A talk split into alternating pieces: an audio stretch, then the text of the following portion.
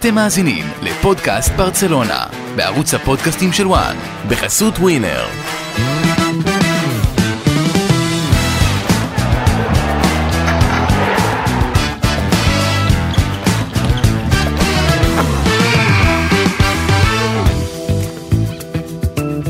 פודקאסט ברצלונה, פרק 65 עם היציאה לפגרת הנבחרות, אחרי ניצחון דרמטי וחשוב, שוב באל סדר של אוססונה, כמו בעונה שעברה.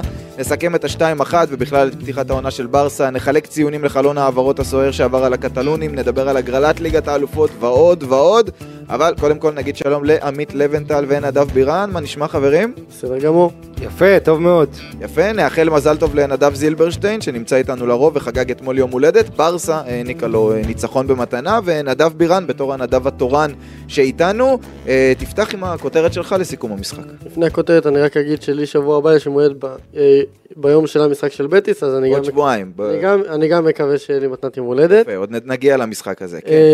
ולפני גם הכותרת אני ארצה להגיד אה, שאני מאוד שמח, לא מאוד שמח, אני אגיד אה, כל הכבוד לאוססונה שנתנו משחק מאוד יפה וזהו רק רציתי לשבח אותם לפני הכל. אתה צודק, וזו הייתה עוד דוגמה, רשמתי לי את זה תוך כדי המשחק, באמת אין משחקים קלים בליגה הזו, מכל סיבה שהיא, מול הגדולות, כמו ויאריאל ומעלה, מול הקטנות כמו חטאפה שבאות להרביץ, וגם מול אוססונה, שהיא תראה- קבוצה שהמשחק הזה הוא עוד משחק שלדעתי אחרי שראינו את חטאפה מרביצה לריאל מדריד, אוססונה היא כן מאלה ש... נותנות כבוד לכדורגל הספרדי, אולי לא בכדורגל הספרדי של פעם, אבל כן באות ונותנות פייט, ולא רק מתבנקרות ומרביצות. אין לך כמעט משחקים קלים, בטח שזה בחוץ. כאילו, תסתכל על הלוח, אז, אז אולי מה אתה סמן את העולות החדשות, גרנדה, אה, אלמריה, שהיא כבר שנה שנייה, אבל זה משחקים יותר נוחים. עכשיו תראה, ברסה פותחת ארבעה משחקים, שלושה מהם בחוץ, ואצל מי? אצל ויה ריאל, אצל חטאפה ובאוססונה, בפמפלונה, שלושה משחקים קשים. לצאת עם 10 מ-12 ושלושה ניצחונות רצופים זה בשורה התחתונה בסדר גמור. אה, ריאל מדריד עדיין במרחק נגיעה וזה החדשות הטובות. אז אני אוסיף עוד משהו לפני הכותרת של נדב, שבעצם מה שמבדיל כרגע בין ברצלונה לבין ריאל מדריד בטבלה, זה גול אחד נגד חטאפה בדקה ה-96 של נכון. בלינגהם, שברסה לא הצליחה אם תרצה הפנדל הפנדל- נשרק. הפנדל שלו נשרק או בחטא. הפנדל שלא נשרק, יפה, שהיה צריך להיות הגול הזה של בלינגהם. כן, נדב, עכשיו הכותרת שלך. אוקיי, הכותרת שלי היא שברסה בעצם עושה ריאל מדריד, אה, בזה שהיא בעצם לא, לא נראית כל כך טוב, לא, לא גורמת לך לחשוב שזו קבוצה שיכולה באמת אה, להיות אה, יותר מדי טובה, אבל היא מצליחה לצבור את הנקודות, כמו שאמרנו, היא מצליחה לנצח פעם נוספת, למרות שהיא לא נראתה טוב. אה, אני מקווה שזה לא סימן שזה הולך לקרות עוד ועוד ועוד, אבל אה, לפחות לקחנו את הנקודות. אני אגיד שבעיניי צ'אבי עשה טעות אתמול. אה, שוב, כמו שאמרתי, הוא פתח שוב פעם במערך רביעיית הקשרים בחוץ מול אוססונה, שזה לא אמור לקרות בעיניי. וצריך להגיד, אני אזכיר שבשבוע שעבר, החמאת לזה שהוא בחר במערך הזה נגד ויה ריאל. נכון, אבל במשחק הזה, כמו שאמרתי בפרק קודם, הוא לא, לדעתי לא היה צריך לפתוח במערך הזה.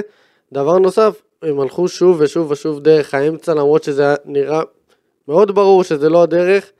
אה, גם, אני אגיד שלמין ימל, אמנם היה יחסית בסדר, אבל זה היה נראה ש- שצ'אבי לא סומך על סרג'י רוברטו בהגנה, הוא אומר ללמין ימל, תישאר טיפה מאחורה, באמת, כאילו, מבחינה של אה, תחפה עליו, שאם שחקן מהיר ינסה ללכת עליו, אתה קודם כל חושב הגנה ולא התקפה.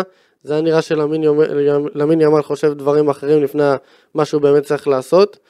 אה, וממש לא אהבתי את קבלת החלטות של צ'אבי במהלך המשחק הזה, ואני אבקר עוד בהמשך.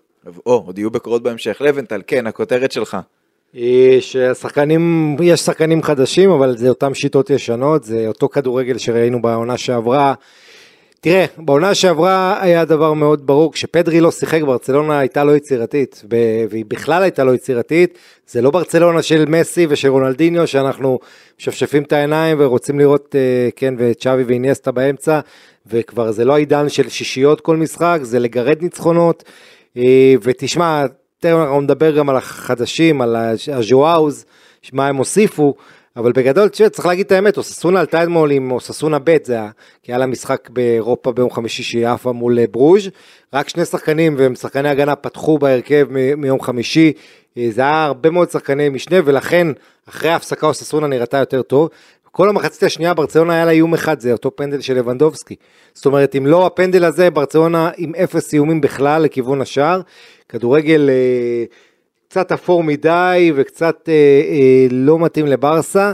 ובסוף, אתה יודע, יש ניצחון, אז זה קצת מרגיע ומשקיט את המערכת, אבל אני חושב שמבחינת כדורגל ברסה רחוקה מאוד מאיפה שהיא רוצה וצריכה להיות, והיא צריכה, אתה יודע, לה- להשתפר בדחיפות אחרי החזרה עם פגרת הנבחרות. כן, אז אני אחבר את שתי הכותרות שלכם עוד לפני הכותרת שלי, זה קצת, אני רואה את ברצלונה וזה קצת מזכיר לי את הבדיחה של כמה אנשים צריך כדי להחליף נורה, וזה מעלה לי את השאלה כמה קשרים צריך כדי להחזיק בכדור. אז זה לגיטימי, אמרנו במשחקים נגד ויה ריאל, אתלטיקו וכולי, לא ברור לי כמה זה נדרש, למה צריך ארבעה קשרים כדי להחזיק את הכדור, כדי לשלוט ב possession מול יריבות ב-level נמוך יותר, שברור שהן לא באות להחזיק בכדור. עכשיו לגבי המערך, הבנו. זה המערך, השינויים בחלון העברות, לא כולם לרוחם של צ'אבי, אנחנו נרחיב על זה גם, הם גם קבעו שאין כנף שמאל טבעי, וזה עוד יותר מחדד את זה שנישאר עם מערך ארבעת הקשרים. זה גם מה שעובד מבחינת שיתוף הפעולה בין רומאו לפרנקי שנדבר עליו, אבל השאלה עדיין נשארת בעיניי גם בהופעה המאה של גבי אה, בברצלונה, שאלת הקשר הרביעי. צ'אבי לא באמת מעדיף את גבי כפותח בעיניי, הרי פדרי וגונדואן פתחו בתחילת העונה בעמדות האלה, ושוב, מול ויה ריאל ללכת עם גבי, הבנתי וקיבלתי. מול יריבות אחרות, אני מאוד אשמח לראות בעמדה הזו, נקרא לה עמדת כנף מזויף, עשר שמאל, יש גם עכשיו, תורס. יש גם את ז'ואר פליקס עכשיו, יש גם את פדרי וגונדואן, יש את פרן תורס, שהרבה פעמים צ'אבי רק כשחייבים זורק אותו למערכה בעמדה הזו, יש גם את פרמין, וכל אלה יכולים לשחק שם, ולא כחילוף של חוסר ברירה כשחייבים גול, אלא מתחילת המשחק, אנחנו כבר מתחילים לשמוע, אנחנו מדברים על זה לא מעט, האוהדים מדברים על זה לא מעט, גם בתקשורת בקטלוניה קצת מתחילים לדבר על המערך הזה וההיצמדות לארבעת הקשרים וכולי, אז בסדר, אין כנף שמאל טבעי, אבל יש אופציות לא, זה ישת- לשחק את זה. אני חושב שעם ג'ואר פליקס. אני חושב שעם ג'ואר פליקס זה הולך להשתנות, אה, ואנחנו נראה, נראה יותר אה, שלישייה קדמית, זה צריך לזכור עוד פעם, זה משחק קשה מאוד, בחוץ, אתה רוצה שליטה, אני מבין אה, לאן צ'אבי חותר. אבל שוב, אתה, אה, אתה חייב את כולם כדי לשלוט אני- מולו ססונה? אני גם רוצה להגיד שאומנם שיחקנו עם ארבעת הקשרים, אבל לא הייתה שליטה. זה היה משחק מרחבה לרחבה, אוססונה תקפה כמה שבא לה ולא התקשתה יותר מדי בשליטה בכדור. זה לא שאתה רואה שליטה אבסולוטית של ברסה, זה לא, זה לא קרה. זה ארבעה קשרים שמחזיקים באמצע, אבל לא נותנים את התפוקה שצריך בהחזקת כדור, אז אתה סתם מוותר על שחקן כנף. אתה גם מוותר על שחקן כנף, זאת אומרת, גם לא תמיד אתה שולט בכדור, למרות שאתה שולט יותר מאוססונה, אבל שוב, אתה מאבד מישהו, אמרתי את זה גם בפודקאסט הקודם, שמישהו מיותר, זאת אומרת, אתה מאבד מישהו יצירתי מקדימה, וכשאין את פדרי, ברצלונה, אז גבי, וזו גם מיני כותרת נקרא לזה, גבי הוא לא יכול להיות המחליף של פדרי בעיניי. ברצלונה. ברצלונה היא קבוצה שמשוועת ליצירתיות, ואני חושב שיש פה אפשרות לשחק ביהלום כמו ריאל מדריד, עם ז'ואר פליקס בתור העשר, מאחורי לבנדובסקי ו... ולמין ימל, פרן תורס, רפיניה, מישהו שהוא כנף מזויף, אבל הוא בעצם חלוץ נוסף, וזה משהו שאני מצפה לראות בהמשך. אה, למרות שגם במערך כזה, שוב, אין כנפיים, אנחנו מדברים על זה נכון. שצריך לרווח וצריך את לא, הכנפיים. אה, תשמע, מה זה אין כנפיים? אני חושב שההגעה של קאנסלו מאוד מאוד משנה את ברסה נדבר עליו, ההתקפית, נכון. ואנחנו נדבר בהמשך אם אתה רוצה, אבל אה, בלדה, יש לי הרבה השגות לגביו, אה, בטח ב- בהתקפי, אתה יודע, בצ- בצד ההתקפי, אה, הוא שחקן... אני גם חושב, אני גם. תכננתי להגיע לזה בהמשך, אבל אני חושב שימין ימל, למין ימל, ובלדה, הם זקוקים לעזרה, הם שחקנים טובים, כל אחד בעמדה שלו, אבל הם פשוט זקוקים לעזרה, אז, אז למין ימל, או רפיניה, או פרן תורס, מי שישחק בכנף ימין, יהיה לו את קנסלו. בגלל זה אני אומר שהכנף המזויף הזה לא יכול להיות גבי, פשוט כי בלדה לא יכול להחזיק התקפית את הקו לבד. אני כן חושב שהוא יכול לקבל יותר את הכדור ולעשות את הדריבל ולהגיע ממש עד לקו הרוחב ולא כל פעם להיכנס לאמצע, כן להעז יותר, אבל הוא צריך מישהו יצירתי יותר שישתף איתו פעולה, שיעשה איתו דאבל פאס, שימשוך את תשומת הלב של המגן שם ויאפשר לו את השטח. מישהו לעשות לו עקיפה, נכון. וזה יכול להיות פליקס, זה יכול את- להיות פרן, זה יכול להיות פרמין אפילו, וגבי בעיניי קצת פחות. אתמול ראיתי את בלדה מגיע דווקא למקומות האלה, טיפה יותר ממה שבדרך כלל במשחקים האחרונים, אבל שוב, באמת, הוא ראה שהוא אחד מול שניים ואין לו מה לעשות, אז או שהוא חתך לכיוון האמצע והמשיך את ההתקפה סתם בלי להשיג שום דבר, או שהוא פשוט מסר את הכדור ו- ולא עשה עם זה כלום. אבל שחקן שאני מאוד אוהב ומצפה לגדולות זה אילקאי גונדואן שהוא אמנם נוגע בכדור חצי מהכמות שדה יונג נוגע למעשה, אפילו פחות מחצי, דה יונג אתמול 135 נגיעות, גונדואן 65 נגיעות, שניהם שיחקו 90 דקות, אבל גונדואן הוא שחקן כל כך חכם, נכון שהוא לא, מפספס, אבל הוא מגיע להזדמנויות, הוא עושה תנועה ללא כדור בעיניי, יחד עם פדרי, גונדואן זה שני שחקני היצירה, ביצירתיות והדמיון בקישור, והוא מוסיף את המצבים הנייחים שלא היו לברסה, אתמול הוא הגביה את הקרן לראש של קונדה, אה, יש לו טכניקה נהדרת, יש לו תנועה נהדרת, חוכמה, אה, ואני חושב, אני מאוד אוהב אותו, זה עוד, הוא עוד לא נדבק לברצלונה, הוא עוד לא איפה שהוא יהיה, אבל אני חושב שאפשר לראות, לזהות מה הולך להביא לברצלונה, וזה הרבה מאוד. אני אחבר את זה למשהו שנדב כתב לי אחרי הפודקאסט הקודם, שהוא שכח להגיד על גונדואן, דיברנו על זה שהוא לא מצליח להביא מספרים, וזה גם מתקשר למה שאנחנו אומרים עם הריווח בכנפיים. נכון. ברגע שיהיה יותר ריווח לכנפיים, שני שחקנים על כנף ימין, אולי עשר שמאל שיעזור לבלדה ויהיה אפשר לרווח יותר, גונדואן יוכל להביא את מה שהוא עשה נהדר בסיטי, אחרי שנדב כתב לי את זה, חיפשתי ביוטיוב שערים של גונדואן, ישבתי ראיתי בערך 60 גולים, יש קליפ אחד של כל הגולים של גונדואן במנצ'סטר סיטי, כמעט הכל גיחה מקו שני, סיומת בנגיעה, תנועה נהדרת לתוך השטח, מה שאנחנו מאוד אה, מרעיפים על, אה, על ג'וד בלינגהם כזה, עם התנועה נכון, ללא נכון. כדור, אבל בשביל זה שוב, צריך שיהיה את הכנפיים, כדי שיכניסו את הכדורים אה, מהצדדים. כן. בשביל זה יש קנסלו. הייתה לו הזדמנות אחת כזאת אתמול, נכון. והוא כמעט ניצל אותה, אבל יצא לו בעיטה קצת דרדלה, אבל אה, עדיין, ראו שפעם אחת שריווחו ללמין ימן, אם אני לא טועה, הגיעה הגיע ההזדמנות הזאת של גנדואן שהוא הצטרף ואף אחד לא שם לב אליו ופתאום הוא הגיח משום מקום וזה מה שהוא צריך לעשות אבל כדי שזה יקרה יותר צריך גם לרווח בצד השני. לרווח, לרווח, לרווח. טוב, הכותרת שלי, דחינו אותה, אה, היא הבלם קונדה, צמד מילים שקצת שכחנו במהלך העונה שעברה, אמנם פרנקי נבחר למצטיין של הליגה, גם נפרגן לו עוד מעט, אבל מבחינתי המצטיין היה קונדה, והוא ממשיך רצף איכותי של משחקים, והכי חשוב, הוא עושה את זה כבלם. זה היה נראה ב pre season שהוא קצת חלוד כבלם אחרי שנה שלמה כמגן ימני, אבל נראה שהוא התרגל מהר מאוד בחזרה. אתמול מול אוססונה, הייתי חייב לרשום לי את הכל, סטטיסטיקה מטורפת, הגנתית והתקפית, 113 נגיעות בכדור, מעורב מאוד ב build up, שלושה משלושה דריבלים מוצלחים, מתוך 93 מסירות, 86 הגיעו ליעד, חמישה כדורים ארוכים מדויקים מתוך שישה ניסיונות, 100% הצלחה במאבקי קרקע, ארבעה משישה ניצחונות במאבקי אוויר, שבע הרחקות כדור, שתי חטיפות, שני תיקולים מוצלחים, לא עברו אותו פעם אחת אפילו בדריבל, שער נגיחה כמובן במצב נייח, משהו שברסה חייבת כדי לשבור את המשחקים הצמודים האלה, העונה יש לה כבר שניים, עונה שעברה היו לה שישה מול 13 ו-12 של ריאל ואתלטיקו, אז קונדה כמובן, עם הראוכו כשיהיה, מוסיף גם את זה, והכי מדהים בעיניי בכל השורה הסטטיסטית והשער וכולי, קונדה לא עשה אף עבירה כל המשחק בתור בלם, כלומר הפעולות שלו הן הגנתיות, נקיות, אלגנטיות, מדויקות, בעיניי זה היה משחק מושלם שלו, עכשיו כשקנסלו בא, כמה חיכינו ודיברנו על זה, כשקנסלו בא והראוכו יחזור מהפציעה, אז יהיה את כאב הראש הזה לצ'אבי, אבל אפשר לסמוך גם על הראוכו וגם על אה, קריסטנסן, אולי גם על קונדה, ש, שיהיו קצת פציעות ויהיו קצת הרחקות, והדברים האלה יסתדרו, אבל קונדה, זה שמרוויחים אותו מחדש כבלם, בעיניי זו בשורה מצוינת, שוב, בעיקר לקראת ההתמודדות ו... באירופה. כן, ובואו לא נשכח, יש עמדה אחת בברסה, בלבד, אבל עמדה חשובה שאין לה כיסוי של שני שחקנים, גם צ'אבי דיבר על זה, זה עמדת הפיבוט, הקשר נכון. האחורי. ובמובן הזה אתה כן יכול לשים את קריסטנסן במקום רומאו במשחקים מסוימים. מעניין. אה, כן, אז בייחוד שגם אריק גרסיה הלך, אז, אז כן, אני חושב שיש פה אפשרות לצ'אבי קצת לשחק עם זה, ואנחנו נראה את זה. טוב, נדב, דבר איתי על מי שכן קיבל את תואר המצטיין, פרנקי דה יונג, ממשיך להצטיין בברצלונה ממשחק למשחק, אפרופו אה, המשכיות ויכולת טובה. כן, פרנקי היה במשחק מעולה, אני מסכים איתך שקונדה לדעתי היה אמור לקבל את השחקן המצטיין, אבל ללא ספק פרנקי דיונג היה בטופ שני שחקנים המצטיינים אתמול. הוא היה פשוט מעולה בכל, הוא היה פשוט בכל מקום. הוא היה בבניית המשחק, הוא היה בהגנה, הוא היה, עשה כל דבר, כל מהלך עבר דרכו. כל פעם הוא עשה את מה שהוא עושה הכי טוב, לעבור מההגנה, לסחוב את הכדור להתקפה ולהוביל את ההתקפות של ברסה. הוא באמת היה, מאז שעברו למערך הזה הוא פשוט נראה כמו קסם, אני מקווה שגם זה ימשיך בנבחרת הולנד עכשיו שהוא יצא לפג... לפגרת הנבחרות. ואני באמת אה, חושב... שנה הוא נפצע נדמה לי בפגרת נבחרות הזאת. אה, מלא, מלא שחקנים נפצעו בפגרת נבחרות, אני אדבר על זה. הטראומטית הייתה. כן.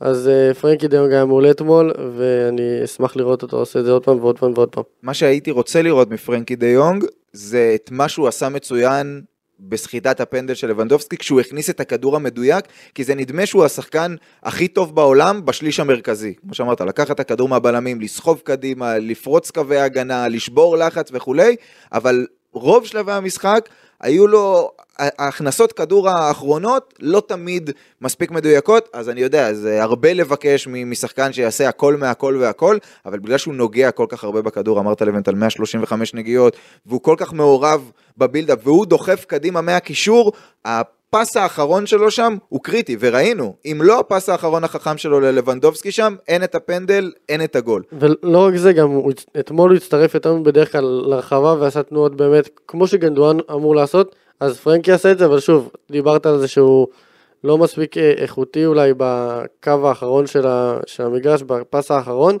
על זה צריך עוד לעבוד ושיעשה את זה כמו שצריך, אבל מבחינת התנועות אני שמח שרואים אותו לא, יותר. רשמית הוא היה MVP אתמול, אתה כן, יודע. כן. אה, די יונג, אני חושב מתחילת העונה, כל משחק של ברסה זה השחקן שהכי בולט. נכון. השחקן שהוא תמיד אומרים הוא MVP והוא נראה טוב.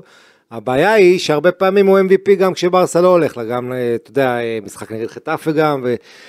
זאת אומרת, הפעולות שלו הן לא לאו דווקא כאלה שמכריעות. בדיוק. אתמול הוא עשה קצת יותר עם, כמו שאמרת, כדור ללבנדובסקי, אבל אתה יודע, אתה מצפה ממנו להיות גם טוני קרוס, גם מודריץ' וגם בלינגהם של הקבוצה. אה, הוא צריך לקבל יותר עזרה, גבי התקפית לא, לא קיים מספיק, אנחנו יודעים. אה, גונדואן יכול לתת עוד פעם יותר.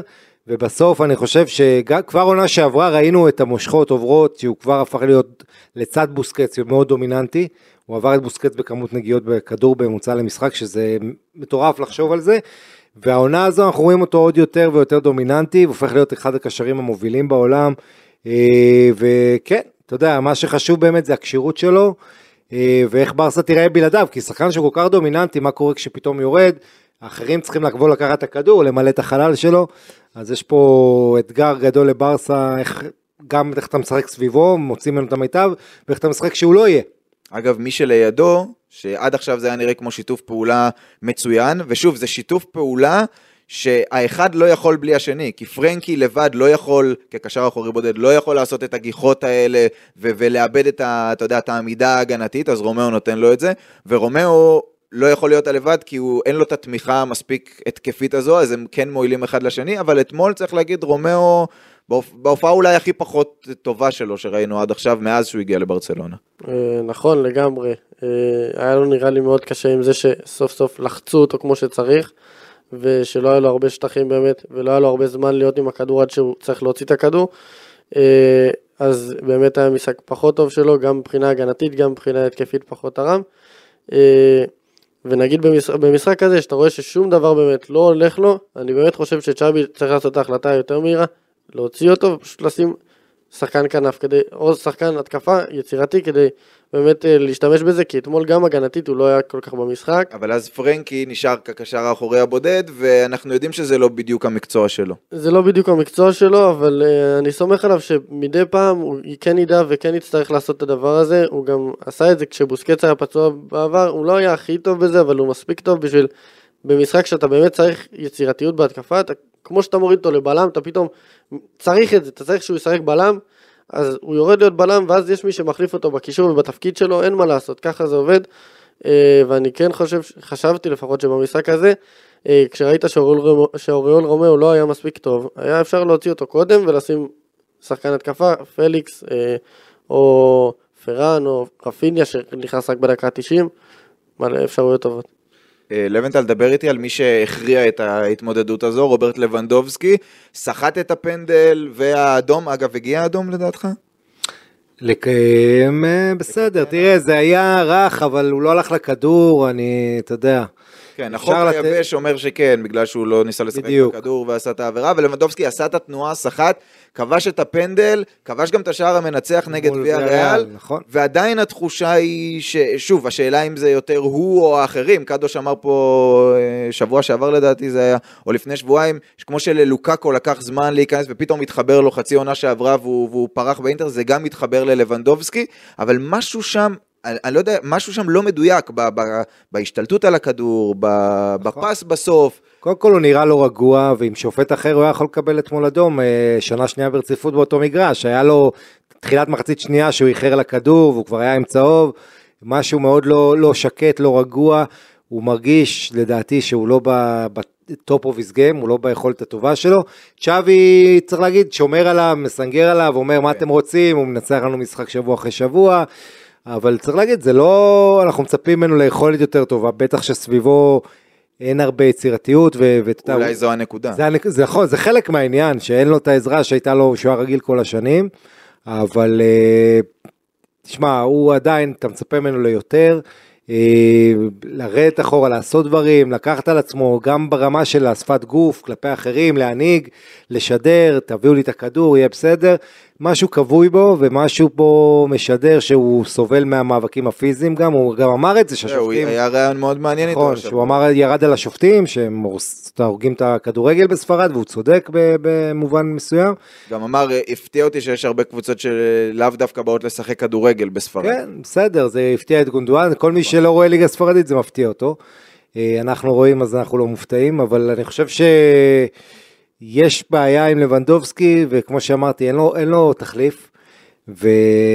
וזה קצת הופך את ברסה לצפויה מדי לפעמים, שהוא משחק שם ובלי, אתה יודע, אין איזה משהו שהוא אלטרנטיבה אמיתית, אה, אבל בסדר, תראה, הוא את הגולים שלו נותן, בסוף הוא נשפט לפי, נשפט לפי גולים כמו כל חלוץ, אה, והוא ניצח את המשחק, וזה הכי חשוב, אבל מבחינת כדורגל זה רחוק מאוד ממה שאנחנו מצפים לקבל ממנו, וזה המשך ליכולת שלו בחצי השני של העונה שעברה. כן, וזה אפשר להגיד באופן כללי, זה קצת מראה לפתיחת העונה הזו של אה, ברצלונה, זאת אומרת משיגה את התוצאות, לבנדובסקי כובש שני שערי ניצחון, ברסה עושה את ה-10 מ-12, מצפים לכדורגל שהוא יותר שמח, אני...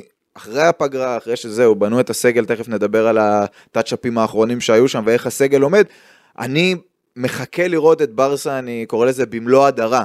זאת אומרת, משחקת עם בלדה בצד אחד וקנסלו בצד השני, רומאו ופרנקי אנחנו מבינים שזה מה שיהיה, גונדואן או פדרי או שניהם אם פדרי כשיר, ועוד מישהו שהוא יותר יצירתי, אם זה פליקס, אם זה אה, פרן. אני שוב מזכיר את פרמין, פרמין לדעתי יכול לעשות את, ה, את העבודה הזו מצוין, או בעמדה הזו, או בעמדה של פדרי גונדואן, ופדרי גונדואן יותר ככנף המזויף, אבל פרמין יש בו משהו יותר תכליתי מגבי, נכון, בלי גבי אולי אתה תאבד קצת לחץ ו- ואנרגיה וכולי, אבל גם פרמין יכול לקבל, ולמין ורפיניה ולבנדובסקי, ואני מאמין, אני מאמין שאז אנחנו נראה אה, ברצלונה שהיא לא רק מנצחת, אלא שהיא גם אה, עושה את זה עם כדורגל שהוא יותר יפה. יש לנו בעיה עם ברצלונה בראש שלנו, ברצלונה תמיד, וגם צ'אבי אגב אמר את זה, עונה שעברה אחרי שניצחו בברנבאו, הוא אומר ב... בריאל מדריד היו חוגגים ניצחון כזה, ברסה אתה מחויב לסגנון, נכון. ואם אתה, זה לא רק לנצח, זה גם איך אתה עושה את זה, ותמיד יש לנו בראש את מסי ואיניאסטה וצ'אבי, ולפני זה רונלדיני- רונלדיניו, ותמיד את הכדורגל השמח, ואנחנו כבר, ברסה הזאת, אנחנו כבר רגילים כבר תקופה, אבל אני לא... שהיא לא שם. נכון, אבל אני חושב ש... מצד שני, גבי אמר, לפני שנתיים לא היינו מנצחים משחק כזה, וגבי הכניס, לנו- וצ'אבי הכניס לנו ווינריות, לא, זה בטוח, זה בטוח כן. קרה וזה עובדתי, מהרגע שהוא הגיע אז בנובמבר, עוד לפני העונה של האליפות, אבל אני כן חושב שלהגיד, אל תצפו לברסה של מסי, של רונלדינו, של צ'אב, אנחנו לא מצפים לזה. אנחנו מצפים, כמו שאנחנו מצפים מריאל מדריד אגב, אנחנו מדברים אותו דבר על קבוצה המושלמת בליגה, עם 12 מ-12, שהכדורגל עצמו יהיה יותר מהיר, יותר מרווח לצדדים, מייצר יותר מצבים. זה לא צריך להיות בוסקט שווי, איניאסטה, מסי, נאמר וסוארס, אבל זה יכול וצריך בעיניי לעבוד הרבה יותר טוב גם עם החומר הקיים. שוב, החומר הזה קיבל שיפורים, וזה מה שמוביל אותנו ועכשיו, המלפפוניאדה. לפינת המלפפונים, אה, בפעם האחרונה לפחות עד אה, ינואר, היה סוער בימים האחרונים של החלון, כרגיל בברסה. נתחיל מהשבוע האחרון, אחרי זה נמשיך לסיכום אה, כללי. הכסף מהחברה הגרמנית שמכרו לה אחוזים מברסה סטודיוס לא הגיע בזמן, ועל פי החוזה, אז ההנהלה נדרשה לשים ערבות אישית כעשרה מיליון אירו מה... כיס שלה על חשבון הכסף שהיה אמור להגיע בהמשך, יחד עם השכר של פאטי שנחסך בהשאלה לברייטון והמכירה של עבדה, ברסה הצליחה גם לרשום את כל מי שהיה צריך לרשום את החוזה שלו, למשל בלדה שהפך להיות סופית שחקן בוגרים, ולצרף בהשאלה את הז'ואאוס, קנסלו ופליקס. אה, בואו נתחיל עם קנסלו שמגיע מסיטי, דיברנו בשבועות האחרונים, הנה זה בא, הנה זה מתקרב, אה, ביחד עם העלייה של ימין, למין ימל לבוגרים, שזה גם סוג של רכש, בעיניי קנסלו הוא ההחתמה אולי הכי משמעותית של הקיץ הזה. אה, כן, יכול להיות לגמרי, אני מסכים איתך. אה, הוא הכי אה, Game changer, אבל לא. לא בשובר שוויון, אלא Game changer מבחינת איך המשחק של ברצלונה יוכל להיות משוחק מעכשיו, כשיש לה מגן ימני כמו קאנסלו ולא קונדה ולא אראוחו וגם לא ביירין שפתח את העונה שם. נכון, אני, אני חשבתי אתמול, ששאלת אותי על כותרת, אם קאנסלו היה פותח, הייתי פותח בסוף סוף יש מגן ימני, אבל אה, הוא לא פתח אז זה לא קרה, אבל... אבל אני, אפשר היה ללמוד את זה גם ב-40 דקות שהוא שיחק. הוא היה מעולה, הוא היה מעולה, לא, לא הרגישו אותו יותר מדי, אבל היה לו שני כדורים מעולים, שאתה רואה שזה כדורים של מגן ימני שיודע לתקוף, ואני הצטערתי קצת ש... אה, אה, למין ימל יצא ברגע נכון, שקנסלו נכנס, באותה אני רק. חיכיתי לראות את השיתוף פעולה ביניהם, מאה אחוז. ודווקא כשקנסלו נכנס אתה מוציא את למין ימל, זה הרגשתי פספוס. עכשיו אם הוא היה מכניס את רפיניה, אז היה שם שיתוף נכון. פעולה מעניין, הוא הכניס את פרן תורס, שזו. כאילו העמדה הטבעית שלו, אבל הוא גם נכנס יותר לאמצע. מחכים לרגע שיש שם קנסלו ו... יש שם שניים, ואז, אה, ורפיניה. צריך להגיד לקנסלו יש שתי איכויות גדולות. אחת זה שהוא הוא נכנס לאמצע והופך להיות קשר, הוא קשר יצירתי עם בעיטה, ו... זאת אומרת הוא מנהל משחק ונותן לך... עשה את זה גם אתמול, עשה את זה. זה קצת אתמול, אבל אני רוצה אותו יותר אבל, ודבר. שני זה העקיפה, ראינו את הפלש, את הטריבלה הזאת, מדהים. אה, וזה, אתה יודע, מאז דני אלווס לא היה לברסה מגן אמיתי שמכניס כדורים כאלה נכון. בצד ימין, היה את סמדו, כל מיני אפורים כאלה שלא יודעים להכניס כדור. אה. כן, שחקנים גלאס. מתחזים. לא היה באמת מגן אמיתי, ועכשיו כשדני אלווס בקלבוש, אז סוף סוף אה, הוא רואה, יכול לראות מישהו שקצת מביא איזה משהו מעמדת המגן, יצירתי, ומשהו שאין לברסה. אה, ואתה יודע, כשאתה אומר אין לברסה, ריאל מדריד עכשיו יש גם את פרנק גרסיה וגם את קרבחל, שני מגנים התקפיים, ותמיד אתה משווה גם את ברסה לריאל. אז אני חושב שמאוד חשוב, בלדה התקפית לא נותן, אני חושב, הוא, הוא סימן שאלה מבחינתי, הוא לא ג'ורדי אלבה, אין לו את היכולות הטכניות וההתקפיות ש, שהיו לאלבה. אמרתי לך, הוא לדעתי לא מנסה מספיק. לא, הוא גם, עזרה גם של אין לו, בכנף. תראה, מצד אחד, שנה שעברה היו לו שישה בישולים, ובסטטיסטיקה היבשה אמרו, הוא המגן שבישל הכי הרבה, אבל אתה רואה שהוא לא, מעמדת מגן אתה יכול לצפות בכדורגל המודרני להרבה יותר איכויות התקפיות, ושהוא לא מביא אותם. לעומת זאת, קאנסלו הוא באמת ליגה, הוא קלאס, מה עוד שהוא הגיע, אתה יודע, כמושאל. אה, ברסה, כל החלון הזה, תשמע, היא הוציאה רק על רומאו 3.7 מיליון, כל השאר הגיעו או חינם או, בהשאלות. אז זה מראה לך, אגב, שו- אה, 18 שנה שלא היה להם חלון עם כל כך מעט הוצאות, מראה לך על הבעיות הכלכליות, ואיך הכל ככה מנסים לתפור בקושי. אה, אבל בסוף, קאנסלו, אני שותף לגמרי לדעה שלכם, זה שחקן ש... באמת יכול לשדרג את ברסה, כי היה לה בעיה קשה, תשמע, גם קונדה הוא לא מגן שתורם התקפית, גם אה, סרג'י רוברטו, כולם עם בעיות, והוא באמת מקפיץ לך את, ה, את האיכות בעמדה. אני אגיד עוד משהו על קאנסלו, לפני עשר שנים בערך שהוא היה בוולנסיה עוד, אני רציתי שהוא יבוא לברסה בתור היורש של דני אלווס כביכול, אה, ואז הוא הלך, עשה סיבוב, ואינטר, ויובה, וסיטי, ואני חושב שהוא בנה את עצמו, וגם ביירן, הוא בנה את עצמו לכדי שחקן שלם, שעכשיו הוא בדיוק מה שהוא צריך לבוא, כמו שהוא, ויתאים לברסה למה שהיא צריכה ולמה שהיא זקוקה לו, ואני מחכה לראות את קאנסלו בפעולה. אז לבנטל בוא נדבר על הז'וארו השני, אחת ההעברות המוזרות של הקיץ, לא בגלל רמת השחקן ורמת הקבוצה, אלא בגלל הדרך שזה קרה בה, אותה, אותו רעיון מפורסם, קצר וקולע, שלושה משפטים אצל פבריציו רומנו, חולם לשחק בברסה, חיכה עד הרגע האחרון של החלון, קיצץ בשכר, ויתר על סעודיה, בסוף הוא מגיע בהשאלה, יש הרבה דעות חלוקות לגביו, אני למשל הייתי בעד שהוא יגיע, נדב ככה היה פחות, גם נדב זילברשטיין שהיה, קאדו שהיה פה היה מאוד בעד שהוא יגיע, איפה אתה בהחתמה הזו של ז'ואר פליקס לברסה? תשמע, אה, אני... כבר מבין שאתה לא תומך נלהב. לא, אני חושב שעד היום הוא, אכזבה עצומה. אה, גם בצ'לסי, איפה שהוא לא היה, הוא לא הצליח. אה, חובת ההוכחה עליו, מה שנקרא. כן, הוא שחקן עם איכויות, והוא יכול פתאום, יש לו את ה... אני קורא לזה אפקט הוואו. הוא עושה דברים מלהיבים, שאתה אומר וואו, אבל הוא לא עושה את זה בצורה עקבית, הוא לא עושה את זה בצורה יעילה. ופה נמדד שחקן, אתה יודע, ב... הגדולה של מסי זה שלא רק האיסטר עושה וואו, זה היה מביא כל הזמן גולים ו- ובישולים, ואצל פליקס אה, זה לא שם, מה שכן, יכול להיות ש... הוא שזה כן יכול- יתאים יותר לברסה ממה שזה יתאים לאתלטיקו או לצ'לסי באיזה כמה חודשים. בסדר, יכול להיות, סגנון, למרות שאנחנו רואים שהסגנון של ברסה הוא אחר, אבל הוא בדיוק יכול להיות מה שמשנה את הסגנון. הוא יכול לעזור ללבנדובסקי. בדיוק. הוא יכול להוריד את העומס מפדרי שעכשיו פצוע, וכן, יש לו איכויות שאין לשחקן אחר שם, יחד עם זאת, הוא עדיין לא הראה את זה בשום מקום מאז שיצא מבנפיקה, והזמן הולך ואוזל, מה שנקרא. אה, הלוואי שיצליח, אני מאוד, אני מאוד אוהב את השחקן הזה, אבל אני חושש שהוא, בוא נגיד ככה, זו הזדמנות אחרונה שלו, ואם העונה הזו, הוא לא עושה איזה קפיצה, מעבר, אתה יודע, אני רואה את העונה הזאת שלו נגמרת עם איזה שישה גולים וחמישה בישולים. אם הוא יעשה יותר מזה, אני, אני אופתע לטובה. זה יכול להיות, אלה יכולים להיות נתונים טובים, תלוי כמה הוא ישחק. כן, אם הוא יפתח פה ושם ויתרום שערים חשובים בישולים. לגמרי. אבל אני מדבר בכל המסגרות, כן? אה, זה ממש מעט, אבל זה שוב נורא תלוי כמה נכון. דקות הוא יקבל. גם תלוי איך זה מתחלק, אם זה בגביע מול קבוצות נחותות, נכון. הכל תלוי, אתה יודע, מספרים זה, אנחנו יודעים, סטטיסטיקה זה כמו ביקיני, כמו שסלווה אמר, מסתירה רק את החלקים החשובים. אמ, אז אני חושב שז'ואר הוא שחקן אדיר, והלוואי, הלוואי שברסה הוא יצליח להעיר אותה מהאפוריות שלה קצת. אה, יש לו את האיכויות, את הפוטנציאל לזה. אה, יחד עם זאת, אה, את כל הזריזות שלו, דברים, אתה יודע, הוא מאוד טוב להתקפות מעבר, כשהמשחק עומד וברסה בדרך כלל שולטת, זה יהיה לו קשה. ופה, בוא נראה אותו עושה את הקפיצת מדרגה. טוב, הוא הוא יפתיע אותי אם הוא יצליח. מעניין.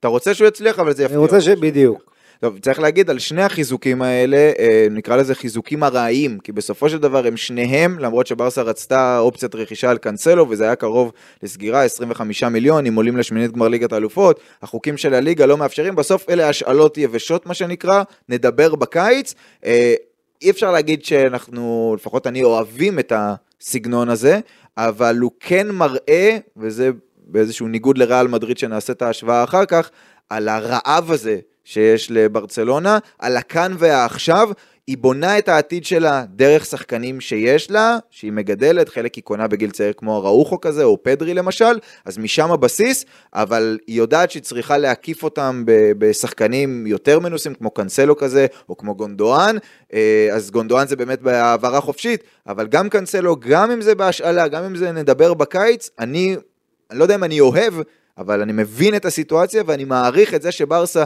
בתוך המצב הכלכלי הזה עושה כל juggling אפשרי כדי לנסות ולהציב באמת את הסגל הכי תחרותי שהיא יכולה אה, לעשות. אה, בואו נדבר קצת על העוזבים, היה את אריק, הוא שאל את ג'ירונה, בעיניי זו החלטה, החלטה טובה, כי כשיש גם את איניגו שחוזר וגם את אלונסו, יש הרבה בלמים לפניו, אולי בעתיד הוא יוכל אה, לחזור ולהיות גיבוי לא רע לברסה, זה גם השאלה יבשה, אמור לחזור בעונה הבאה. שתי העזיבות היותר מעניינות היו פאטי ועבדה. נתחיל עם אה, פאטי, השאלה לברייטון גם בלי אופציית רכישה, מהלך בריא לכל הצדדים לדעתך? אני חושב שכן, אני לא רציתי בהתחלה שפאטי יעזוב, כי חשבתי שהם מחפשים אה, למכור אותו ולקבל עליו את הכסף כאן ועכשיו כמו שאמרת. אה, אני חושב שהשאלה זה יכול להיות טוב באמת לכל הצדדים, פאטי אולי יקבל יותר הזדמנויות בברייטון, גם קבוצה מעולה, פרויקט מעולה, מאמן מעולה, שאני חושב שבאמת מתאים לשיטה ויכול באמת לפתח את פאטי. אה, וגם פאטי קצת ינוח מכל הרעש והצלצולים בברסה ויוכל לנקות הראש ובאמת לצבור את הביטחון בחזרה. אני חושב שזה מהלך שיכול באמת לעזור לכל הצדדים ואני מקווה שהוא יחזור טוב יותר ובריא יותר. יקבל, הוא אמור לקבל שם דקות לבנטל, כי יש שם את מיטומה שמשחק בכנף, ומצד שני הוא הלך כי הוא רוצה לקבל דקות, כי בברסה הוא לא שחקן הרכב, כי דזרבי דיבר איתו, הוא... הוא... אני לא אה, אה, מבין גדול בברייטון, לא עוקב גדול, אני- אני, אני מכיר עוק- את המאמן ואת הסגנון ואת השחקנים, אני אבל עוקב אחריהם ואני יכול להגיד לך שלדעתי מיטומה יפתח, יפתח לפניו אבל יש להם השנה צריך לזכור שיש להם את, את הליגה האירופית. האירופית, הוא נכון. יקבל הזדמנויות, אה, יש להם גם בית קשה כך שזה יהיה תחרותי. כן. והוא יכול לשחק באמת במגוון uh, תפקידים שם, וברייטון באמת, זו קבוצה שמלא שחקנים יכולים לשחק במגוון תפקידים, והם כל הזמן בתנועה וכל הזמן מחליפים אחד עם השני uh, מקומות תוך כדי משחק, תפקידים, אז uh, אני חושב שהוא יוכל להשתלב שם, לא בהכרח כשחקן פותח לפחות בהתחלה, אבל הוא יכול. מעניין, זה קצת מפתיע אותי, שוב, הבחירה בברייטון, הכל כאילו מתאים, המאמן והסגנון וכולי, אבל בסוף הלך לקבוצה שהוא לא בנקר בהרכב, וזה כאילו מה שהוא רצה מ- מצ'אבי וברצלונה. אני לא-. אני לא חושב שיש צריך ככה... סבלנות, ויש לו מאמן שמאוד תומך, תומך בו, ו- ואומר אומר עליו מילים אה, טובות. אה, יהיו פציעות, זה פרמייר ליג, זה ליגה מאוד פיזית. רק שלא יהיו אה, פציעות שלו. נכון, אבל לא, הוא יקבל את ההזדמנויות, זה ליגה לא קלה בכלל גם בשבילו. הפיזיות שמה וכל האתגרים, אתה יודע, זה לא פשוט, מקום חדש, שונה מאוד. בוא נראה אותו, אתה יודע, הלוואי, הלוואי אני שיצליח, גם- אני לא יודע, זה קשה, זה, זה באמת לא פשוט, רוב השחקנים שמצליחים בברייטון, לוקח להם תקופת התאקלמות, גם קייסדו, שהיה לבלגיה, אתה יודע, לקח לו זמן עד שהוא חזר והרשים. אה, בוא נראה, אתה יודע, הוא צריך קצת סבלנות, ומקסימום הוא יחזור לסביליה, אני אגיד עוד דבר אחד שאתה... סרחיו רמוס. שאלת אם הוא עכשיו אה, הולך להיות שחקן פותח. אני לא חושב שבמצבו פאטי באמת אמור להיות שחק... כאילו קבוצה לא אמורה לקנות אותו בעיניי כשחקן פותח כי הוא לא הוכיח שום דבר בשנתיים האחרונות, הוא לא הראה איזה חדות, הוא לא הראה איזה משהו יוצא דופן. כולם מסתמכים על מה שהיה כשהיה בן 16-17 לפני הפציעות. אז שהוא היה מספר 31, שעכשיו הוא חזר למספר אז 31. אני לא, אני לא רואה באמת יותר מדי קבוצות בכירות כיום בעולם שהוא יכול באמת לפתוח בתור זה שיקנו אותו ועכשיו יאללה אתה בנקר אבל פותח. ברייטון הבעיה שזה לא, ש... היא קבוצה נהדרת, אבל היא שם קטן. וזה, פה יש איזה דיסוננס בין היכולות והאיכות שלה, והכישרונות הגדולים שהיא מטפחת. איוון פרגוסון בן ה-18 נתן שלושה עכשיו, נגד ניוקאסל הגדולה. אה, לבין, אתה יודע, זה עדיין לא שם סקסי, זה לא ליברפול, ארסנל, מנצ'סטר יונייטד. להיות על ספסל בברייטון זה כאילו מעליב, למרות שהיא קבוצה נהדרת. כן. אה, אבל כן, תשמע, הוא כן יקבל דקות מהספסל, אני רוצה עוד פעם להזכיר, בעידן חמשת החילופים, אתה, אתה יודע, אתה צריך סגל עמוק, ואתה יכול גם ב-40 דקות או 30 דקות מהספסל לעשות את העבודה. אגב, זה אבל, זה גם מה שצ'אבי אומר, הוא אומר, גם על עבדה שתכף נדבר עליו, גם על פאטי, הוא אומר, אני לא רציתי שהם ילכו, זאת הייתה בקשה אישית שלהם, והוא אומר, אני לא מבין למה כולם מתמקדים, גם בתקשורת, גם השחקנים, במי פותח בהרכב. אנחנו עם חמישה חילופים, מי שמסיים את המשחק הרבה פעמים הרבה יותר חשוב ממי שפותח. יכול להיות שגם פאטי, ואולי אולי בעיקר עבדה, שבסופו של דבר נמכר, נמכר לבטיס עם סעיף buyback של אה, 20 מיליון אירו בקיץ הבא, עכשיו נמכר ב-7.5 מיליון אירו. אה, אולי, אולי קצת מיהרו שניהם, ואני בטוח שצ'אבי, אם אני מחבר את זה לפליקס, לא רצה לקבל את פליקס בתמורה לזה שהוא מאבד גם את עבדה וגם את אה, אנסו פאטי. נכון, גם אני לא רציתי את זה, אני לא הבנתי את ההחלטה הזאת לשחרר את שניהם. כששחררו את פאטי אמרתי, טוב, אז כנראה אומרים, יביאו מישהו במקומו, הביאו את פליקס, אבל גם מכרו את עבדה, אז בעצם זרקו שניים, הביאו אחד, שהוא גם לא עד כדי כך מוכח, וצריך גם להתרגל למקום חדש, אני לא אהבתי את זה. אה, עבדה בעיניי זה גם פספוס, בגלל שברגע ששחררת את פאטי, ואומנם כבר לא בתפקיד הזה, אז בעצם ויתרת על שניהם, ויתרת על מערך 4-3-3 בשו- בכל צורה שהיא. אה, אני, זה בעצם אתה מוותר גם על ורסטיליות ושינוי ואפשרות לשנות את המערך תוך כדי משחק או לשנות מערך בין משחק למשחק כמו שאמרתי בפעם הקודמת, להתאים את עצמך לקבוצה היריבה גם. אה, אני לא אוהב את זה שהקבוצה פשוט נהיית יותר אה, מקובעת ויותר, אה, היא תהיה יותר תקועה ויותר צפויה וזה פגיעה במערכת לדעתי. כן, וצריך להגיד, אבל שוב, אני לא חושב, א', מאוד יכול להיות שבסוף העסקה הזאת עם פאטי ועם עבדה קרתה, אנחנו לא מכירים את הספרים, אבל קרתה כי היה צריך את זה כלכלית, וזה לא היה מספיק נניח רק שפאטי ילך כדי שפליקס יבוא, יכול להיות שהיה צריך לשלוח באמת את שניהם, וגם מתוך התעקשות, פאטי אני מבין את ההשאלה, עבדה, גם צריך להגיד, אמרו את זה לא מעט, הוא לא חייב משהו לברסה, הוא לא גדל כל חייו בלמסיה ובנו עליו, קנו אותו בשביל קבוצת המילואים, הוא הצליח קצת לפרוח, יצא בהשאלה, והוא רוצה לשחק כדורגל באופן, אה, באופן קבוע, אז הוא הלך על זה, אני חושב שהוא היה יכול להיות קצת יותר סבלני. פאטי, אני מבין אותו, היה צריך קצת לצאת מברצלונה. כן, אבל זה לא פשוט הזה. שאתה רואה אחד כמו למיני ימל מקבל קרדיט לפניך, אז אתה, אתה יודע, זה גם כן חלק מהעניין, אני חושב, עם עבדה. שהוא מרגיש שהם יותר מעריכים אותו אולי מחוץ לברצלונה, כי כשאתה משחק בברצלונה יש לך עילה גדולה, וקבוצות אחרות ישמחו שתהיה אצלם פותח. ובסדר, תראה, אל תשכח, עבדה גם רוצה להיות במעמד אחר בנבחרת מרוקו, בשביל זה הוא צריך לשחק. אה, אני מבין אותו לגמרי.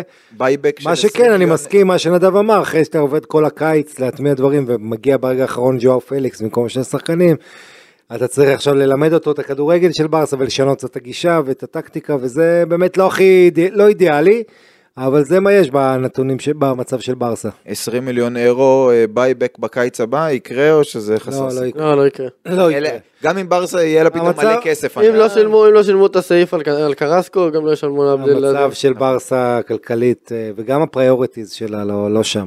טוב, אז בואו נסכם את החלון הזה. הגיעו מהגנה להתקפה, אמרנו קנסלו בהשאלה, איניגו מרטינס העברה חופשית, גונדואן העברה חופשית, רומאו, פחות משלושה מיליון אירו וחצי, פליקס בהשאלה, הייתה גם הרכישה ב-30 מיליון של ויטור רוקה שצפוי להגיע בינואר, אבל גם התשלום הראשון הוא 2 מיליון אירו. עזבו, אני אציין פה את הבולטים, כי יש גם הרבה חבר'ה צעירים אה, מלמסיע שהושאלו, אז זה ג'ורדי אלבה, אריק, לנגלה, אומטיטי, אומטיטי, דסט, בוסקץ, קסיה, ניקו, פבלו טורה, פאטי, דמבלה, אבדה, עשו גם כסף על גריזמן וטרינקאו. טרינקאו עם אה, סעיפי רכישה שמומשו. בסך הכל ברסה מכניסה בקיץ הזה כ-90 מיליון אירו בחלון, מוציאה פחות מ-4 מיליון, בגלל חוקי הפייר פליי זה לא שהיא עכשיו הכניסה 90 אז היא יכולה לנצל 90, אלא הייתה צריכה לעמוד בתקרת השכר, וגם זה קרה ככה ברגע האחרון. אה, נדב, אתמול חמי היה פה בפודקאסט ריאל מדריד, הוא נתן לחלון של ריאל מדריד ציון אה, 6.5. מ-1 עד 10 איזה ציון אתה נותן לחלון הזה של יחסית- ברסה? אני יחסית מסכים, שש וחצי. הוא נתן לריאל אני יודע, 6.5. שש וחצי, שבע, גם לברסה? גם לברסה. אני אגיד, אה, אני חושב שמבחינת סגל יש לנו סגל טוב, אבל כמו שאמרתי, מבחינת טקטיקה למשחק, זה שאתה הסרת בעצם את השחקני כנף שלך, אתה פוגע טקטית בקבוצה, אתה באמת הופך להיות קבוצה יותר אפורה ויותר אה, צפויה, ופחות אה, עם אפשרות להפתיע ובאמת אה, גם לרווח את המשחק. אה, אני חושב ש... אם אנחנו מנסים ככה להסתכל חוליה חוליה ולהבין אם התחזקו או, או נחלשו נגיד, אז בהגנה למשל בהגנה- הלך ג'ורדי אלבה מצד אחד, אה, מצד שני בא קאנסלו, הבלמים נשארו אותם בלמים, גם הגיע איניגו מרטינס כדי לחזק, דווקא בחלק האחורי, בחלק האחורי יחסית חיזוק, אבל... בזכות קאנסלו בזכות בעיקר. קאנסלו, כי קאנסלו עושה את ג'ורדי. אלבה באמת מכה ש- שבאמת, אני גם אמרתי, הוא, שח... הוא מגן שמאלי עם איכויות בהתקפה שהם, כל דבר אצלו זה באמת מתוקתק ונמצא במקום כאילו שצריך, מתי לצאת, מתי למסור, מתי הכל, הוא שחקן שעד היום, גם באינטר מיאמי עכשיו, עושה את הכל כמו שצריך, ואין טענות עליו חוץ מהקטע ההגנתי, אבל גם בלדה לא להיט בקטע הזה.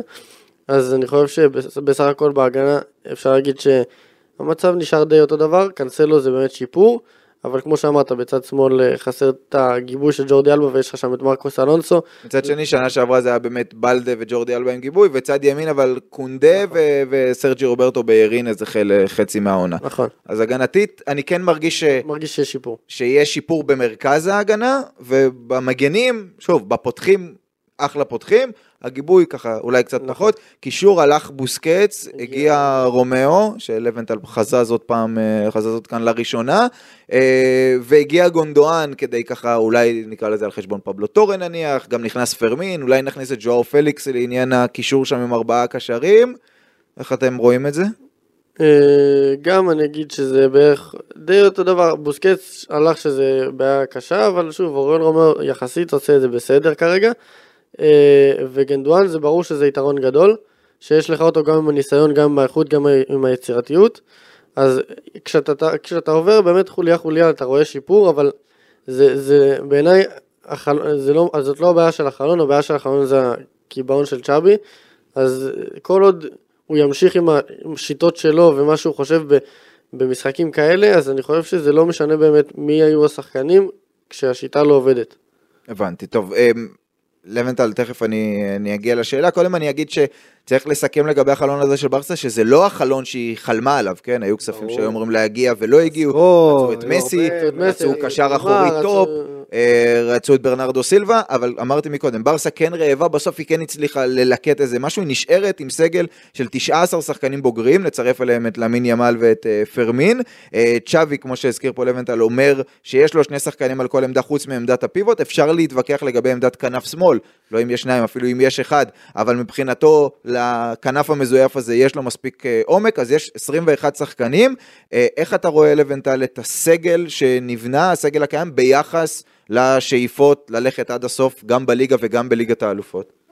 אני חושב ש... תראה, יהיה קשה העונה הזו, ריאל מדריד התחזקה, נכון שריאל מדריד יש לה את הבעיות שלה והיא לא הביאה את אמבפה. אה, אני חושב שברצלונה תשים פוקוס אה, השנה על אירופה אחרי הכישלונות והיא תתמקד. ליגת האלופות היא מטרה להגיע לנוקאוט, להגיע לשלבים הסופיים. אה, הקבוצה הזו עדיין לא ברמה מספיק גבוהה, אני ואני חושב שהיום. קבוצות מודרניות, קודם כל אתה שם דגש על הקישור. יש לך, כן, גונדואן זה טוב, אבל אה, רומאו בעמדת הקשר האחורי, אמ, זה לא מספיק, זה כמה שאני אוהב אותו. אה, תסתכל על הקישור של ריאל מדריד, כמה הם פיזיים, כמה הם אתלטים, כמה הם אה, שחקנים צעירים רעננים. זה אתגר גדול, נכון, יש את גבי, יש לברסה עוד אה, כברת דרך, אני חושב שהקבוצה הזו עדיין חסרה יצירתיות, חסרה איכות גם ועומק. זו קבוצה טובה יש, כמובן, אבל יהיה קשה, יהיה קשה שתי מסגרות להצליח, אה, ואני חושב שבליגה היא לא תהיה אליפות, אבל אה, באירופה היא תעשה את הנוקאוט. אה, ו- ועם הכדורגל של צ'אבי, אם לא ייפצעו כמו שנה שעברה, ויהיה בסדר, אז יגיעו לשמי, לרבע אולי של ליגת אלופות, אולי יותר מזה. אני רוצה להזכיר שבעונה שעברה עפנו מוקדם מאוד באירופה, גם בליגת האלופות וגם באירופית, וכבר אז היה, הייתה בעיה בסגל, בעומק, של שחקנים בהתקפה, רק- שהם שיחקו רק בליגה, רק לליגה אפילו הייתה בעומק של, של הסגל, אז עכשיו זה יפה מאוד להגיד אה, יש סגל רחב ויש זה, אבל כי אין פציעות בהתקפה, וכשיהיו אז אתה תראה את כל הבעיות ואתה לא רוצה שזה יקרה לך בשמינית, רבע וחצי. אין מחליף. ללבנדובסקי. אל, עוד יגיע בינואר, אה, אה, כן, אוקיי, ויטור ויטור אוקיי. זה גם סימן שאלה שצריך לראות איך הוא יגיע, כלומר זה לא נכון. שנוחת מישהו מוכח. אז באמת שיכול להיות, יש בעיה בסגל, ואני חושב ששוב, כמו שאמרתי, יש בעיה יותר עמוקה בברסה, שאני, בוא נגיד, אה, עכשיו אפרגן לארסטה. ארסטה זה כאילו מאמן שעשה באמת דרך מאוד יפה עם אה, אוססונה. קבוצה שהייתה קבוצה שבין אה, ירידת ליגה, עליית ליגה, הפך אותה לקבוצת אמצע טבלה ומעלה, שבאמת משחקת כדורגל התקפי וכדורגל חיובי, ומה שהוא עושה בעצם את אוססונה לקבוצה טובה, הוא עושה אותה יותר טובה מסך, מסך חלקיה, שזה לא מה שאתה רואה בברסה. בברסה אתה בעצם רואה אה, באמת סגל מוכשר מאוד, עם הרבה שמות גדולים, אבל הכדורגל שהיא משחקת לא כדורגל טוב. אני חושב שברסה עם הסתכלות נכונה יכולה לשחק, לשחק כדורגל טוב, יכולה להגיע אפילו לשלבים של רבע, חצי וגמר ליגת אלופות, אבל לא עם הכדורגל הזה, ואני חושב שצ'אבי צריך אה, איזה שינוי. וככה בתור אה, אוהד אה, ברצלונה, הייתה לך הנחת רווחה כשהסתכלת בלוח שנה, ראית שניים בספטמבר נסגר החלון ואמבפה לא הגיע לריאל מדריד? מאוד. מאוד. נרגעתי. זה, היה יכול... הייתה לי מחשבה שאם הוא מגיע זה הולך אולי לכיוון של אה, טראבל עם מאבק על סיטי, עם סיטי לליגת אלופות, ועדיין ריאל יכולה לזכות, אבל אה, ללא ספ- ללא ספק זה הרגיע. טוב, לבנטה, אז בוא נדבר על אה, ליגת האלופות, היה ביום חמישי את ההגרלה, ברסה הוגרלה לשם שינוי מדרג א', מוגרלת לבית שמונה עם פורטו, שכתר ואנטוורפן, אה, חייבת לעלות ממקום ראשון? כן, זה בית שחלמו עליו אחרי ההגרלה הקשה לפני שנה שהייתה עם אינטר וביירן, זאת אומרת לא מספיק היו פציעות, זה היה גם בית אה, קשה. הפעם אין תירוצים, אה, בית הכי נוח שהיה אפשר לקבל, באמת, אפשר לחלום על בית יותר נוח. אה, כמה- כמה עוזר להיות אלופה ובדרג הראשון, אבל צריך גם את ההגרלה, ובקטע הזה הגרלה חייכה העיר הפנים לברסה. אתה יודע, פורטו, קבוצה שהיא גם כן באיזה ירידה, אה, שכתר, ופותחים מול אנטוורפן בבית, זאת אומרת גם הלוח משחקים, גם היריבות, הכל, יכול להיות שלראשונה מזה הרבה שנים עדן עזר ישחק נגד ברצלונה. כן. זה לא קרה כל השנים בריאל מדריד. מבין. סוף סוף, הוא איך אמר, אני לא יכול לוותר על איך זה. הוא יכבוש נגדם, מה יגידו. כן. אבל אה, לא, אבל ברזה קיבלה הגרלה שהיא חייבת לעלות ממקום ראשון, וזה חשוב להיות מקום ראשון. ו- וכן, תשמע, באמת אה, אי אפשר לקוות להגרלה יותר טובה, צריך להזכיר דבר חשוב, שלא נגענו בו, אבל מי שהספיק לשכוח, כי ברסה משחקת הרבה בחוץ, אין קמפנו. נכון. אה, ב- אנחנו ניזכר בזה כבר במחזור כל הנושא של הביתיות, זה ייצר מאוד לא ביתי, המונג'וויק, אה, לכן אה, היה חשוב לקבל יריבות נוחות, כי בלי יתרון ביתיות, אם אתה קורא יריבות נכון. אה, קשות זה עוד יותר קשה. אני דמיינתי את הבית של, אה, שפריז קיבלה, לא, אם- וואי. ברסה הייתה מקבלת לדעתי היינו היה בין בדיוק. מקום שלישי לרביעי, בז- בזכות, אני אגיד בזכות, בגלל מה שאמרת, אה, המונג'וויק, שזה לא באמת איצטדיון ביתי ובקושי באים אליו קהל. אה, אני חושב שגם חשוב לשחק, אגב, אני אמרתי את זה כמה פעמים ואני מתחבר למה שאמרת. בגלל שהאיצטדיון הוא האיצטדיון והדרכי ההגעה קשות והזוויות לא נוחות וכולי, זו עוד אחת הסיבות שברסה חייבת חייבת לשחק את כדורגל טוב. נכון. חייבת שאנשים יגיעו, אני, יגידו לעצמם, אני רוצה ללכת לראות את המשחק הזה, אני רוצה לעלות שם אה, במדרגות הנאות להר היהודים, ואני רוצה לראות את הקבוצה הזו, אחרת זה, זה דבר שיזין דבר, אם זה יהיה לא טוב. ויהיו הצלחות, אז זה ילך ויידרדר, כאילו כמו בכל משחק, אבל הפעם עם המונג'וויק, או ו- בכל עונה, עם המונג'וויק זה עוד יותר על משמעותי. זה בדיוק חשבתי בדרך לפה, אני אמרתי, אני בעצמי ביררתי, רציתי לברר לגבי כרטיסים למשחקים, אז אמרתי, טוב, זה במונג'וויק, בוא נבדוק למשחקי חוץ. כדי, באמת, כדי ללכת לאיצטדיון שיהיה כיף לראות את המשחק. זה לא... עכשיו, צריך באמת כדורגל חיובי וכדורגל טוב כדי להביא את הקהל. אין לך איזה כוכב כמו מסי, ו... ובמונג'וויק זה באמת יהיה קשה העונה, כי זה לא באמת איצטדיון מול קאדיס. כמה קשה הלך. אה, כן, אתה יודע, התחושה של את הבדידות כזאת, הקהל יושב רחוק, ו... וזה מכה, מכה, זה גם מה שמקשה עוד את העניינים מקצועית לברסה, שאין לה את הביתיות אה, העונה, בניגוד לברנבאו החדש שראינו אותו. אבל גם זה יהיה לה בסוף. יהיה עוד שנה, אבל שנה וחצי, כן, נובמבר ברסה הבא. רוצה כאן ועכשיו, כמו שאמרנו. נכון, אני רוצה כאן ועכשיו, אני מתחבר למשהו שלוונטל אמר מקודם, ומסכם כזה גם את עניין החלון וגם את עניין הגרלת שלב הבתים של ליגת האלופות. אם אני צריך להיות ריאלי, אני חושב שאתם כן תסכימו איתי, למרות שלוונטל חושב ש... שריאל פייבוריטית יותר מברצלונה לזכות בליגה, אם לברסה יש סיכוי לקחת תואר גדול, זה הרבה יותר בליגה, נכון שעכשיו נכון. פחות מעליבה, אבל כשהדברים יתחברו, עם פליקס, עם קאנסלו בעיקר, אני רוצה להאמין שהדברים גם ייראו מבחינת הכדורגל יותר טוב, למרות המונג'וויק, בגלל שריאל מדריד עשתה חיזוק אבל לא מספיק חיזוק, בעיקר לא, לא בהתקפה, ברצלונה בעיניי יכולה לעשות back to back, ליגת אלופות, עוד לפני ההגרלה, אמרתי, הם צריכים לקוות, המטרה צריכה להיות הריאלית, להגיע לרבע גמר ליגת אלופות. תראה. כלומר, לעלות מהבתים, לעבור את השמינית, משם אלוהים גדול ומי יודע מה יגיע, אבל הסיכוי שלהם באמת להגיע עד הסוף, למרות שהם מצהירים, זה- זו המטרה שלנו על אירופה, ואתה צודק, אתה, מה שאתה אומר זה מה שאומרים בברצלונה out loud בראיונות. המטרה הפעם, הפעם היא ללכת עד הסוף בליגת האלופות. נשמע לי שזה, שזו מטרה שהיא במצב הנוכחי, בהתחשב ביריבות, צריך את- הרבה מאוד מזל, קצת גדול ביחס לאפשרות לקחת עוד אליפות בספרד. הביאו את גונדואן, שכבר יודע מה זה כן, לזכות. כבר התאמן על הנפה. צריך להגיד שמה שאתה לבנדובסקי. אומר זה משפט שהוא, אתה יודע, זה לא חוכמה, זה נכון, כשיש לך את סיטי ואת אה, מילאן וביירן ופריז וזה, ובליגה יש לך כולה יריבה וחצי, אז ברור שגם ריאל מדריד רואה את הדברים אותו דבר, ואתלטיקו שלא סופרים אותה, אבל גם אתלטיקו מועמדת לאליפות. יש לך שתי יריבות בליגה הספרדית, ובאירופה יריבות הרבה יותר קשות, כשכלכלית ברור לך שהספרדיות הולכות אחורה, האנגליות מתקדמות. אה, אני חושב ש... אני אומר את זה לא כי זה קל להגיד, אלא בגלל שבברצלונה כל הזמן מדגישים שהעונה הם אה, צריכים לעשות את מה שהם לא עשו, שנה. את מה שהם צריכים לעשות באירופה. לא, לקחת עוד אליפות בבנייה הזו של ברצלונה מחדש, ובלי האיצטדיון וכולי, זה זה הישג משמעותי מאוד לעשות back to back במצב שוב, הזה זה, מול זה ריאל לא מדריד. עניין, ברסה צריכה לחזור זה לא יהיה טריוויאלי לקחת פקטור באירופה. עד היום, תראה, היא חטפה שמינייה מביירן, היא חטפה שלישייה כן, זה בבית. היה השפל, אין ספק. היא, היא לא התחרתה, היא התרחקה נכון. מאוד מהטוב, וזה העניין. חוץ מזה שאני חושב שאנחנו קצת שכחנו מדי מינואר, ועם ברסה אחרי שהיא תעלה וזה, היא- אם היא תוכל, היא כן תחזק בינואר את הקבוצה. גם ריאל זה נכון לגביה, הקבוצות האלה עשו קיץ שהוא מאוד לא שלם, אה, שנשאר להם למה לשאוף, ואני חושב ש...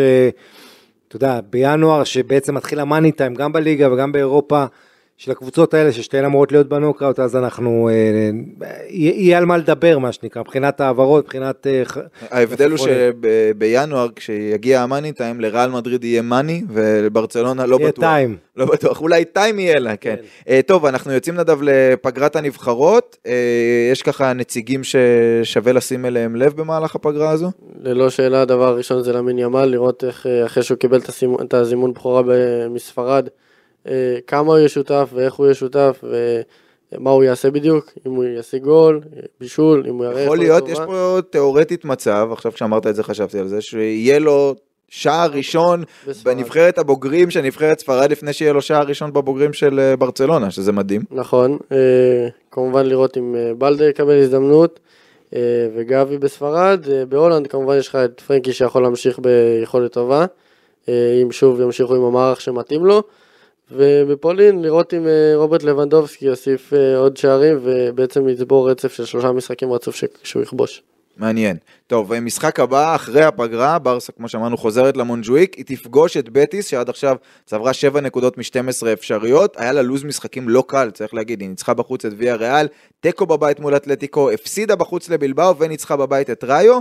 אה, אתמול לבנטל, היחס על ברסה בווינר היה 1.35, 4-10 על תיקו, זה היה קרוב מבחינת אלה שהלכו על אה, תיקו. מה יחסי הכוחות וצריכים להיות היחסים בווינר לקראת אה, בטיס בבית? אה, ברסה זה פייבוריט, אבל לאחד אה, וחצי כזה. תשמע, זה עוד פעם, זה לא אצטדיון ביתי כל כך, בטיס קבוצה לא רעה בכלל. אה, אני חושב שלא יהיה קל לברסה, מה עוד שאנחנו חוזרים פגרת הנבחרות, לא יודע בדיוק איך נחזור. יחזור, כן. אנחנו לפני שנה לברסה זה היה פגרה שדפקה לה את העונה, את החלק הראשון. גם עכשיו הרבה מאוד שחקנים של ברסה יוצאים לפגרות, בספרד בלדה גבי ולמין ימל, אה, למין ימל בשביל שלא יוכל לשחק במרוקו. אה, בגרמניה טרשטגן גונדואן, בברזיל רפיניה, אה, קריסטנסן דנמרק, קונדה צרפת, דה יונג בהולנד, לבנדובסקי פולין, קאנסלו ופליקס פורטוגל. מי נשאר? זה בדיוק העניין, רק הפצועים, אראוחו. אראוחו ופדרי. כן, אבל באמת, אתה יודע, כמעט כל הקבוצה יוצאת. אה, רומאו, אוריול רומאו נשאר. רומאו נשאר, אבל... רומאו והפצועים. רומאו ואינאקי פניה. תשמע, באמת לא נשאר לך כמעט עם מי לעבוד, ו... ובוא נראה שיחזרו בריאים ושיחזרו בזמן. זה הכי חשוב. ובקטע הזה בטיס יש לה יתרון למשחק הבא, שיש לה פחות שחקנים, ב... ובטח שחקנים חשובים אה, בנבחר... בנבחרות. המשחק מול בטיס בעיניי יכול להתפתח לסגנון המשחק שהיה נגד אה, ויה ריאל. כן. ההגנה לא מספיק טובה בבטיס, לואיס פליפה גם עזב ככה ברגע האחרון, ברסה תכבוש. אה, הגנתית יהיה מעניין לראות את ברסה משחקת מול היוסה פרס, אולי עבדה, עם המהירות שלהם, כנפיים מהירות, איסקו שפורח, יש להם קישור טוב, אחורי, קישור אחורי טוב, יש שם לא מעט איכות, זאת בדרך כלל קבוצה שאוהבת להחזיק בכדור עם פלגריני, אבל אני חושב שיש מצב שבמשחק הזה, במונג'וויק, הם קצת יוותרו על זה, קצת יחפשו יותר התקפות אה, מעבר מהירות, ויהיה מעניין לראות שם את אה, ברצלונה. עבדה שיחק במונג'וויק עם ברסה את המשחקים הקודמים. עכשיו הוא נכון. ישחק שם, זה מצחיק, כן? מבחינת ווינר, האמת אני מתלבט, יש לך כיוון, אתה אומר, לבנטל אמר 1-5, עד ארבע לדעתי. זהו, אני חושב שהווינר ייתנו על זה אפילו פחות, פחות. למרות שזה אם בטיס, אם נתנו אחד אה, 35 35 על בחוץ, אוססונה בחוץ, זה היה ממש נמוך זה היה מדי. ממש נמוך מדי. אה, באמת לא שווה את ההשקעה, כאילו זה בסוף הרוויח, אבל אה, לא הייתי שם על כזה זה. אה, אז אני כן חושב על כיוון 1-4, כי זה באמת בבית, אמנם זה לא ביתי כל כך, אבל זה עדיין בבית. יש תסריט של תיקו, וכמה שווה תיקו בטח. בווינר? בטח שיש תסריט בטח, כזה. זה גם כסף טוב. נכון. נכון. חזרה מפגרה, ב- כן. ואני חושב, אני אגיד שאני חושב שבמשחק הזה, כמו שאמרת, לדעתי, שוב צריך לפתוח עם מערך 4. כן, אוקיי, אז תן לי את ההרכב. אה, אני לא יודע מה יהיה בגלל, מי יהיה פציעות בנבחרות, לא, אבל בסדר. כרגע, כולם עומדים לרשותך. נכון לכתיבת שורות אלה, כמו שאומרים. אוקיי, חוץ מפדרי שפצוע כמובן. נכון. אה, אראוחו גם לא אמור לחזור. לא, נכון. נכון. טרשטגן, קנסלו בצד ימין, בלדה בצד שמאל, קריסטנסן וקונדה בלמים. אה, רביעיית קישור של רומאו, פרנקי, גונדואן ו... האמת שגבי יכול להתאים. גבי, אחרי כל הפרק הזה. שדיברנו, אולי לא, פליקס. הוא, הוא דווקא חושב ש, צריך שבמשחק הזה דווקא כן צריך, כן, למה? בגלל שבטיס היא כן קבוצה שיודעת ואוהבת להחזיק? גם אוהבת, צריך את השליטה מול קבוצה של פלגריני, אה, וגם זה באמת קבוצה שצריך נגדה אולי יותר, אה, יותר אה, איכות אה, ויותר דרך האמצע ויותר הגנתי כזה, יותר, יותר בטוח. צריך ללכת יותר בטוח בעיניי. זה מה הזה. עשה לך. נכון, אתה משחק בבית, נגד לא, אה, אני- בטיס שקיבלה רביעייה מאתלטיק נכון. בלבאו, ואתה חושב קצת יותר בטוח. ובהתקפה למין, י- לא, את האמת שאני אפתיע, ולמין ימל לדעתי צריך לקבל קצת אה, מנוחה כדי שלא לא נחשוב כבר שהוא שחקן פותח קבוע, ובאמת אה, הוא עוד בן 16 וצריך לעשות את התהליך הזה, אז אולי עם רפיניה ולבנדובסקי, נראה לי שצ'אבי ינצל את זה שלמין ימל היה במשחק קצת פחות מרשים בהשוואה לשניים הקודמים, גם כדי לתת לרפיניה קצת לשחק, גם כדי קצת להוריד את, אה, את למין ימל. שוב, עם קאנסלו, גם רפיניה יכול להיראות אה, נכון. יותר טוב בעיניי. אני עדיין הייתי מקווה לראות אם זה לא גבי, אז לא אולי לצד השני ל- לז'ואר פליקס, ימל אבל כן לראות, אפילו. פרמין כזה, או להיות פרן פר- כזה, נכון. לדעתי אחרי אתמול המין ימל לא יהיה בהרכב. אני חושב שמה שצ'אבי הכי חושש עכשיו, דיברנו על השער בכורה, אם למין ימל פתאום יהיה אדיר בנבחרת ספרד. במשחק כן, השני נניח. אי אפשר לדעת. אז אני חושב שהוא מעדיף אבל להוריד אותו לספסל, גם כדי לתת לרפיניה את הדקות, כדי לנהל שם את הסגל. אני רק רצ, רציתי להגיד עוד משהו, שאבי נימני בשידור אמר שאחרי הגול של ברסה, אחרי הפנדל, הוא אמר שיפה מאוד על האומץ של צ'אבי, אה, על זה שהוא הוציא שחקן כמו אוריול רומאו והכניס בעצם את פליקס. עכשיו אני ישבתי וראיתי את זה ואמרתי כאילו, זה לא, זה לא, זה לא הייתה לו עוד ברירה, זה פשוט, זה צ'אבי של זה צ'אבי השנה, של. השנה, הוא, הוא פשוט לא עושה אבל אולי הוא פשוט מאמין בחילופים ובלהכריע את המשחק בחצי שזה- השני של המשחק, להיות, ככה אבל- זה נראה לפי הפעולות שלו. אבל אני לא מבין למה לא- לא לשחק ככה 60 דקות ולפתוח של פער של גול, שניים, שלושה גולים, ובמקום זה הוא מחכה, מחכה, מחכה, ואז ב-20 דקות שם גול אחד, ומשם הקבוצה נראית יותר טוב כל פעם שזה קורה, וזה פשוט, אה, אני לא מבין למה הוא לא עושה את זה קודם, אבל בסדר. טוב, נסיים את הפרק הזה. האמת, דיברנו על, אה, אוססונה, על משחק נגד אוססונה הרבה. לא אמרנו כלום על הגול של צ'ימי אבילה. איזה גול. איזה גול, איזה צ'ימי. אבילה, זו- זו so called הרגל זה- הפחות זה גם, אה, חזקה שלו. זה המומחיות שלו להבקיע גולים אה, פסיכיים? זה... קוראים לו צ'ימי. כי הוא צ'ימיצ'ורי, הוא מביא את הטעם של המשחק. מדהים. היה עוד לפני הפציעות, היה אפילו מועמד לברצלונה, אבל זה כיף שהוא נשאר באוססונה ושהוא מקבל את הדקות. בעידן ברייתווייט. כן, כן. שחקן שתמיד תמיד כיף לראות אותו, ורק שיהיה בריא. רק שיהיה בריא. אה, לבנטל, נדב, תודה רבה לשניכם. תודה אורי. תודה רבה. תודה לצ'ימי אבילה שנתן גול יפה, וגם לברסה שניצחה בסוף וגרמה לפודקאסט הזה להיות קצת יותר חיובי מאשר מה שהיה קורה אם היא לא הייתה לוקחת את הנקודות הללו. אנחנו אה, נשתמע כאן בעוד אה, שבועיים, אחרי המשחק, בבית, במונז'וויק, נגד בטיס. ביי ביי.